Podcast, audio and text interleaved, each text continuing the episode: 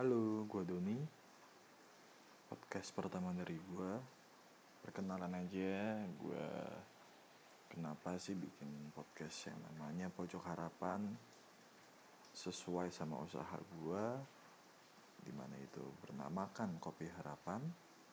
Dan gue juga ingin membagikan Apa harapan gue Buat lo semua Buat nanti harapan dari orang-orang yang gue ajak nge-podcast bareng dari mahasiswa, pengusaha, atau siapa pun nanti yang akan gue ajak ngobrol di sini.